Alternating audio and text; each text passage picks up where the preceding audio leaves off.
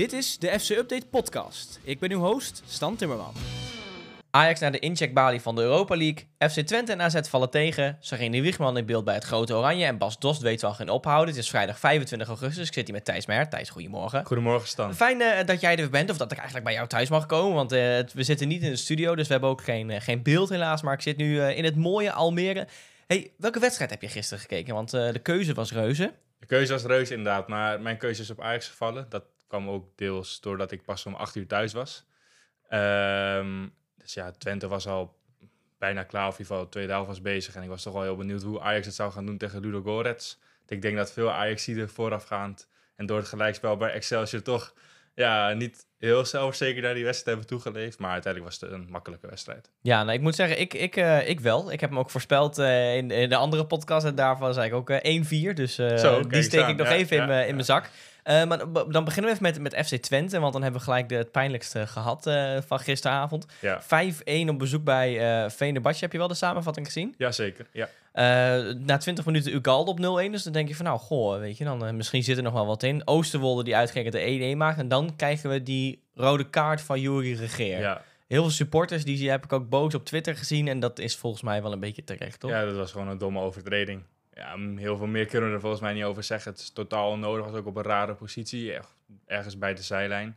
En ja, je ziet, ja, bij zo'n stand vlak voor rust, dat is echt doodzonde. Ook sowieso voor Twente dat na die 0-1 via Flap volgens mij een hele grote kans kreeg op de 0-2. Dus ze hadden ja, gewoon ja, dik op voorsprong kunnen staan. En dan ja, valt de 1-1 rode kaart en dan vrees je eigenlijk al het ergste. Dan hebben ze, hielden ze het in de tweede helft nog wel een kwartier vol volgens mij. En daarna ging het snel. Dan zie je toch eh, het kwaliteitsverschil en dat Twente toch te veel belangrijke spelers mist om eh, ja, stand te houden. Ik zag ook een tweet en daar stond in van... eh, als, je, als je jezelf gaat opfokken tegen Turken, wordt het alleen maar erger. Want die, fokken, die worden, wordt het alleen maar erger. Ja. Die zijn kampioen opfokken. Dus ja, dan, dan weet je ook wel van... Ja, goh, als je die tweede helft in moet met eh 10 man... en je zag binnen nou ja, 20 minuten vier doelpunten... waarvan eentje dan afgekeurd. Ja, dan, Ja. eh, dan gaat het hard. Dit is normaal gesproken gespeeld, toch, lijkt me? Ja, dat zou je wel zeggen. Ja, je weet natuurlijk nooit in voetbal, maar ik, met Twente moet nu komen. Dus er zullen nog meer ruimtes komen voor Fenerbahce. En ze hebben gewoon heel veel spelers die dat kunnen Heel uitspelen. veel kwaliteit. Heel veel kwaliteit. Ja, vergeleken met Twente natuurlijk ja, gewoon te veel, zeg maar, voor dit Twente. En ook nog als ze veel belangrijke spelers missen. Dus ik denk dat dit wel, eh, dat dit wel klaar is. Het zou wel jammer zijn, want als je Twente in de Conference League, ja, Europese avond in de Grolsvesten, dat klinkt toch eh, waar elke voetballiefhebber wel naar uitkijkt. Maar helaas. Nou ja, ik was er met onze grote vriend Esteban bij Ja. eh, tegen Riga. Dus het was inderdaad, toen was vak P leek, maar was de sfeer eh, ook Ja. toen eh, heel leuk. Dus eh, ja, het zou heel jammer zijn als ze het niet halen. Maar goed, eh, die kans zit er toch wel dik in. Maar ik zeg toch nooit, nooit uitverkochte Grolsvesten. ja, je En, weet maar nooit eh, inderdaad. afgelopen jaar was het ook in één week wonnen ze van PSV en verloren ze van Volendam. Dus Ja, hè, het het kan, kan alle eh, kanten het op, kan alle kanten op gaan. En het grappige is, Venerbahce heeft dan, of Twente heeft met 5-1 verloren.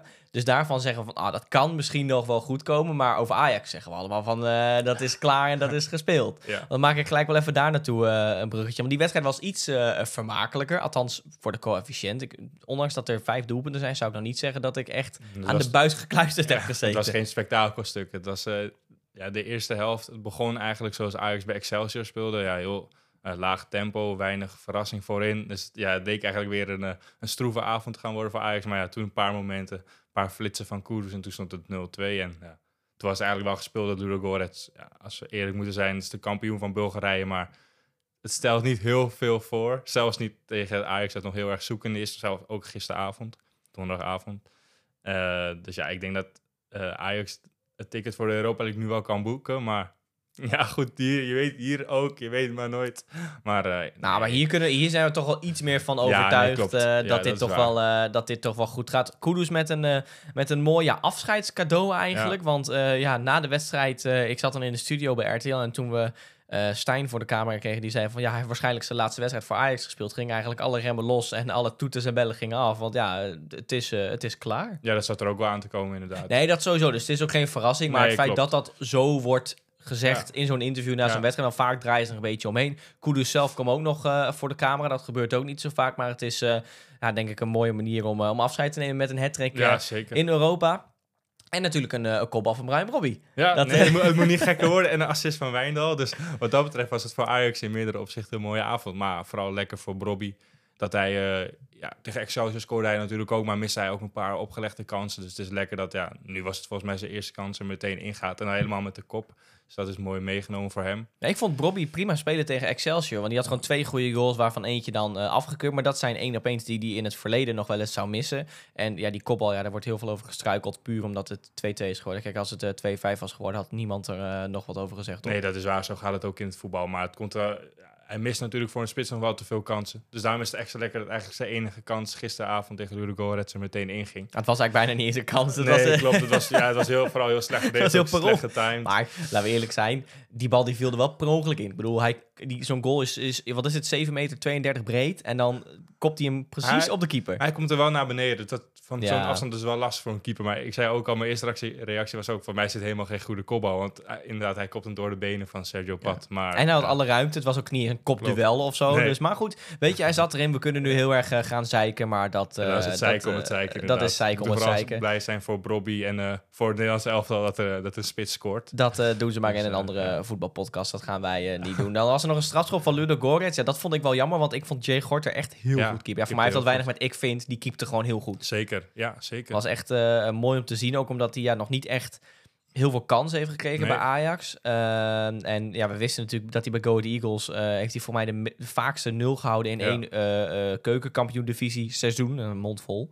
Eh, maar dat had hij nog niet echt bij Ajax laten zien. Maar hier komt wel echt zijn talent weer naar boven. Ja, zeker vooral in de 1 op 1. vroeg in de tweede helft, volgens mij. ja, toen kreeg hij na een fout op het middenveld.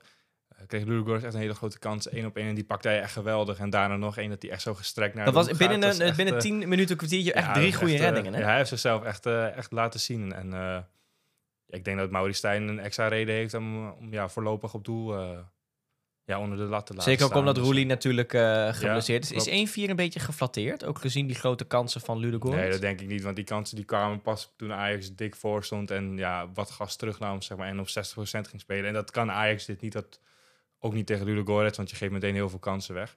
Maar geflatteerd zou ik niet zeggen. Maar zou bijvoorbeeld was- een 2-3 Ajax was heel- of eh, een 2-4 of een 3-4 zou misschien wel iets, misschien Mm, een 2-4. Ik nou. had wel één goal, want ze hadden wel echt hele goede kansen. Ja, maar goed, goed. dan nog, het dat, was, ja, eh, dat, dat, is ook om het even. Maar Ja, ik nee, dat uiteindelijk wel verdient dat Ajax dat dik heeft gewonnen. dat klopt zeker. Ik zag eh, nog een uitspraak. Ik, ik moet je even onthouden van wie dat was. Misschien herken jij hem. Ludo Gorets zal nog geen kampioen worden in de topklasse in Nederland. En dat vond ik wel een hele aparte. Dat ik denk van, dan ben je wel heel ver van de realiteit. Ludo- Zo, wie heeft die, wie heeft die Ja, opmerking ik, ik, gemaakt dan? ik dacht dat het Van Was. Die Ah, is, goed las ik, maar ik bind me er niet aan vast. Maar dat soort uitspraken zijn toch wel... eh, Nou ja, goed. Laten we daar maar ook Daar niet... zijn eh, we in Nederland goed in, eh, dat soort eh, uitspraken. Ja, zeker, zeker, zeker. Maar eh, verder, ja, wat ik al zei, we hebben, eh, ik zou niet zeggen dat we heel erg genoten hebben. Niet heel vermakelijk. Was een beetje zwak. Eh, Ajax in de eerste helft was er nogal weer genieten. Verder was het Ja. redelijk, eh, nou ja, wachten tot het fluitje Ja. klonk, eh, zeg maar. Dan inderdaad het vertrek van Kudus. Eh, Maurice eh, Stijn en Kudus zelf zeggen dat het eh, zijn laatste wedstrijd is voor Ajax. Wanneer alles dan eh, officieel wordt, dat, eh, dat, dat moeten we zien. Hij zei wel van, eh, we kijken wel wat er morgen gebeurt. Nou, ik weet niet of hij bedoelt met morgen gewoon in de nabije toekomst... of daadwerkelijk dat er vandaag iets gaat gebeuren.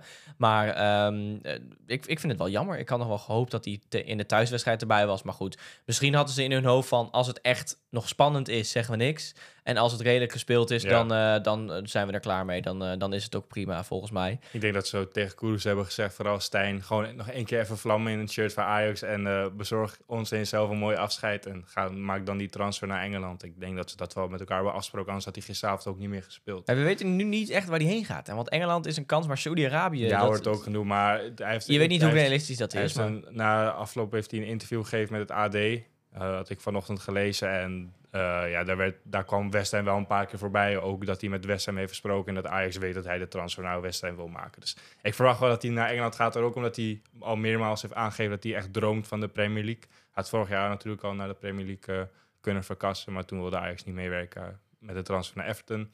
Brighton wilde hem hebben en nu West Ham. Dus ik denk dat hij eh, wel naar de Premier League gaat. Wel een, eh, een mooie stap voor hem. Sanchez eh, die gaat ook weg bij Ajax. En hij werd wel eh, buiten het team gehouden. Ja. Mensen die waren verbaasd. Maar goed, anders had hij toch ook niet gespeeld.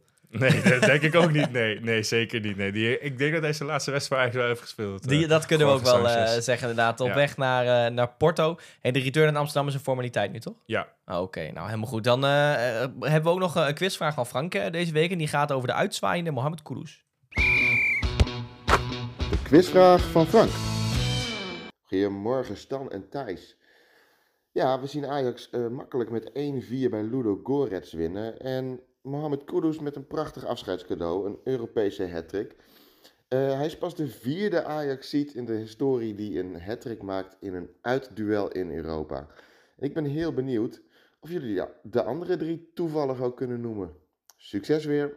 Ja, deze is heel taai, eh, ja, moet ik deze zeggen. vraag is wel van een eh, ander kaliber. dit Frank wordt heeft altijd lastige vragen, maar... eh nee, Hattricks eh, en een uitwedstrijd. hattricks in een Moet je misschien ook uitwedstrijd. nadenken over het eh, het Champions League seizoen, maar daar was het eigenlijk iedereen Geen- maakte een beetje hat-tricks. doelpunten. Eh,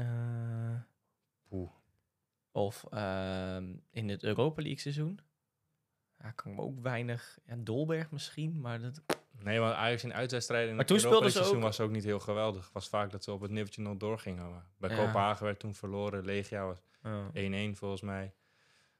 Of aan voorrondes of zo. eh, dat, het- maar dit wordt echt puur gokken hoor, Ja, denk misschien, ik. Misschien, eh, misschien Huntelaar. Ja, maar dan ga je gauw gewoon topspits Ja. opnoemen van Ajax, Huntelaar. ja, maar goed. eh, de enige hattrick van een Ajax ziet in de Europese wedstrijd die ik me kan herinneren is volgens mij Luis Suarez. Maar dat was in een thuiswedstrijd. Het was niet uit.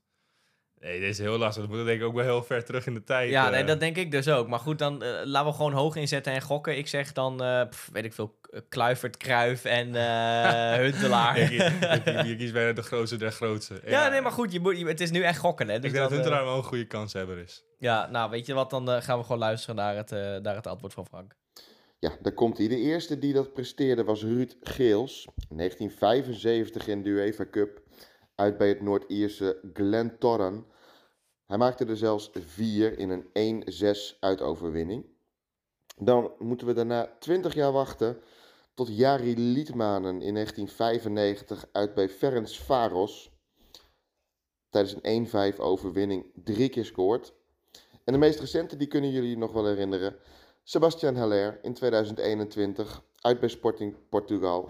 En ook hij maakte net als Ik Geels zie- vier Ik doelpunten. zie jou echt en al je Ajax won handen die dag met gezicht slaan, 1-5. Thijs. Ja, Dat was hem. Deze hadden we- Deze hadden we wel moeten weten. dit was wel een, deze was wel erg, inderdaad. Maar goed, eh, ja, die, Ja, het is, eh, natuurlijk. Ja. Maar dat zou je ook wel bijna vergeten. Want dat Champions League seizoen ging natuurlijk een beetje als een nachtkaars Dat uit. voelt ook een beetje inderdaad als een, eh, als een eeuwigheid geleden. Ja. Maar daar is, heeft Ajax ook gewoon gedomineerd in, in, eh, in, eh, in Dortmund. Maar goed, of eh, in eh ja, Dor ja. Dortmund ook. Maar tegen, inderdaad tegen Sporting maakte hij er toen vier zelfs, toch? Ja, ja, ja, dat is lang, vier, eh, lang, lang geleden. Ja, Eh, lang nu geleden hebben we, ja, nu hebben we Bobby eh, in de spits. Maar goed, eh, Ajax die zal eh, doorgaan naar de volgende ronde. En dan kijken we of er nog iemand eh, een hat kan maken in een Europees uitduel. PSV speelde eerder deze week eh, tegen de Rangers. Dat was wel vermakelijk. 2-2. Ehm, eh, twee keer terugkomen van een achterstand. Alleen, ja, wel, eh, Noah Lang was onzichtbaar. En uh, Sangaré is weer 5 miljoen minder waard. Wie viel er wel op in positief opzicht?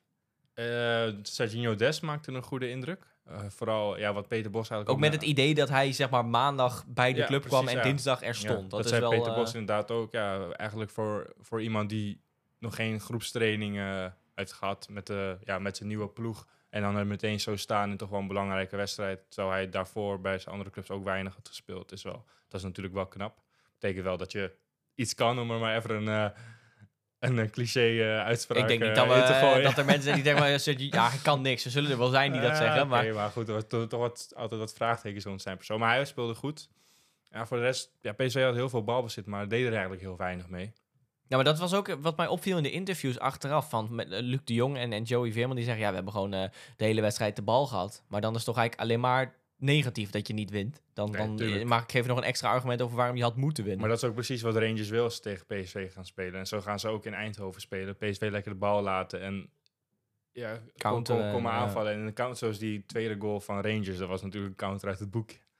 Zo spelen zij het liefst tegen PSV. Dus jij kan wel de hele wedstrijd de bal hebben, maar als je er niks mee doet... En nu hebben ze er gewoon veel te weinig mee gedaan. Maar dit Rangers heeft toch ook helemaal niks in de Champions League te zoeken? Ik zou zeggen van niet, maar als PSV er niet van kan winnen... moeten we ons ook afvragen of dit PSV al klaar is voor de Champions League. Dat is, dat is inderdaad een, eh, een goede vraag. Zeker als eh Bakayoko bijvoorbeeld weggaat. Want Zo, ik, ben, ja. ik ben echt fan van Bakayoko. Ik vind dat zo'n mooie voetballer. Ja. Ik vond hem eerst altijd grillig, maar hij is nu inderdaad... Elke is een beetje sinds het afgelopen jaar ja, klopt, eigenlijk. ja, hij, ja. eh, hij heeft een beetje, want hij komt hij ook uit de jeugd van PSV. Ja, in ieder geval, ja, hij heeft daar altijd voor mij wel eh, gespeeld en eh, langzaam gebracht. En nu ja, is gewoon een vaste waarde het eerste elftal. Eh, twee assists ook eh, tegen Rangers. Alleen er is een bod van 20 miljoen binnengekomen van Burnley. Dat zeggen eh, het Eindhovens Dagblad en eh, de VI, maar dat moet je nooit doen, toch? Nee, 20 miljoen zeker niet. Maar dat gaat PSV volgens mij ook niet doen. Ik dacht gelezen hebben dat ze ja, vanaf 30 miljoen moet, moet er wel gepraat worden. Dat is ook begrijpelijk. Dat is Wel, alles heeft zijn prijs natuurlijk. Maar eh, ja, dat wordt nog wel spannend. Als, als in de laatste week een bod van eh, ruim 30 miljoen euro komt en Bakayoko wil die stap maken, ja, hou hem dan maar tegen. Ja, maar ik wil ook dan... Want als Anthony 100 miljoen is, hoeveel is Bakayoko dan? Ja, die transfer van dat is natuurlijk een van Nee, de oké, maar dat- ooit. Nou, dat is echt heel lastig om die, om die te vergelijken met, met een Bakayoko. Nou, ja, maar- weet je, allebei rechtsbuiten uit de Eredivisie. En als dan En Anthony eh, voor 100 miljoen gaat eh, en eh Bakayoko voor, voor 30... Ja, ja, PSV kan is- natuurlijk gewoon hoog in de boom zitten. Ook voor mij heeft hij nog wel, eh, nog, zijn contract loopt nog wel een tijdje door. Hij is Belgisch international. Hij is jong. De laatste week van de transferperiode, dus clubs zijn in paniek. Vooral uit Engeland. eh. En NEC. En, en, en NEC inderdaad, ja. Maar ik, verwacht nog geen uh, megapot eh, uit eh, Nijmegen. Ook al weet je dat nooit met, eh, met die clubs. Maar ehm nee, Bakayoko, als PSV slim is, zeggen ze gewoon van... we gaan je niet meer verkopen. Alleen ja, als Eredivisieclub kun je tegen een bepaald bod geen, ja, gewoon geen nee meer zeggen. Dus Nee. dan moet je wel praten. Dat is lastig. En ja, Burnley, ja, ze, misschien is het openingspot 20 miljoen euro, maar komen ze nog wel terug. Ja, dan wordt het voor PSV wel heel lastig om Bakayoko te behouden. En dat zou wel een grote, grote klap zijn eh, voor PSV. Maar dit moet hij toch zelf ook nooit doen. Kijk, hij heeft nu eh, s- speelt hij in een team dat altijd de bal heeft, dat altijd vooruit wil spelen. En als hij bij Burnley eh, gaat spelen, dan gaat hij soort, nou, een soort reentjesvoetbal spelen eigenlijk. Dan moet Ja. hij eh, terugzakken en dan wordt het eh, op de counter. Dat, dat moet je toch niet willen. Ja, hij is wel razendsnel, dus het is, eh, hij zal er waarschijnlijk wel uiteindelijk in passen. Maar ja, dan ga je onder. Ja, we hebben het wel eens vaak over gehad. Van hoe belangrijk is Europees voetbal voor een speler uit de Premier League? Want als jij bij Burnley speelt, speel je geen Europees voetbal. Maar dan speel je elke week tegen Arsenal, tegen City. precies, en ja, dan speel je altijd wel topwedstrijden. Maar lang van kort, dit moet hij toch gewoon niet doen. Ik zou Ook ook, wachten tot er een mooiere club voorbij komt. Maar ja, goed. Dat, ik weet niet hoe graag hij die stap wil maken. Maar ik denk dat hij er nog niet klaar voor is. Want hij heeft nog niet een heel seizoen lang bewezen de, de beste speler van PSV te zijn. Ik denk altijd, als je bij een Eredivisie club speelt... en je wil die overstap maken naar het buitenland... moet je de, beste zijn bij je, bij je club, zeg maar. Ja, dus dan bijvoorbeeld een, een Timber van afgelopen seizoen. Of ja. een, Ja. eh, eh, pff, noem het wat, een, eh, een, een Anthony of zo. nee, Ja, maar- gekkerij, maar, maar. maar bijvoorbeeld, kijk, Chabi Simons was Of vorig jaar- Kukcu, weet je wel. Ja, precies. Ja, je moet... En pak een prijs met je club. Ja, Bakje ook al wel prijzen gewonnen met PSV, Johan Cruijffschaal, KNVB. Ja, maar PSV Geen- is ook wel dichtbij geworden. geweest gewoon. Ja, nee, klopt. Maar het staat toch mooier op je cv als je, gewoon, als je waar. kampioen bent geworden en je hebt er een belangrijk aandeel in gehad. Nu kan Burnley hem wel kopen, zeg maar, voor 30 miljoen. Dat is voor een Premier, club, Premier League club, zelfs voor Burnley, is dat, ja, is, is dat gewoon een koopje.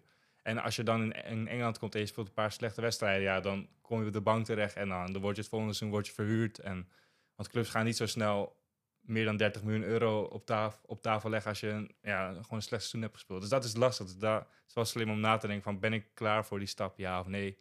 En als je denkt van, nou ja, eigenlijk nog niet helemaal, dan zou ik zeker nog een seizoen bij PSV blijven. Maar dat zou waarschijnlijk ook te afhankelijk zijn of ze zich wel of niet plaatsen voor de Champions League. Dat zou in de. Ja, mm, ja, nou, het zou kunnen. Weet je, dat zou we aan hem moeten vragen. Maar dat gaat, eh, gaat een beetje moeilijk. Laten we hopen dat hij in ieder geval nog. eh, dat hij blijft. PSV wil ook eh Brandweight nog terughalen. Ja. Als een verdedigende versterking. Ja, lijkt me op zich logisch. Want voor mij speelden ze met een 6 en een rechtsback eh, in de verdediging. eh, of in de centrale verdediging tegen Rangers. Ik vind het sowieso een van de grootste verrassingen van deze transferzomer dat PSV nog geen centrale verdediger heeft gehad. Dat is inderdaad wel een van. Ja, goed.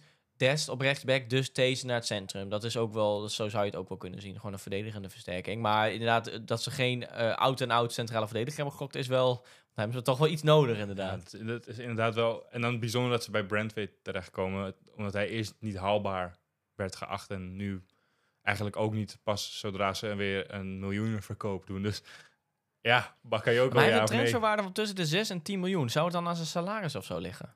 Eh, dat denk ik wel, want hij verdient in Engeland natuurlijk wel waarschijnlijk veel meer dan hier, dan hij hier in, in Nederland kan verdienen. Dus ik denk dat dat wel een belangrijk eh, onderdeel uitmaakt van die som ook. En ja, goed, Everton kan ook hoog in de boom zitten van ja, het is een talentvolle verdediger. Hij is Engelsman, die zijn in eh, Engeland zelf natuurlijk heel erg gewild met die homeground regel.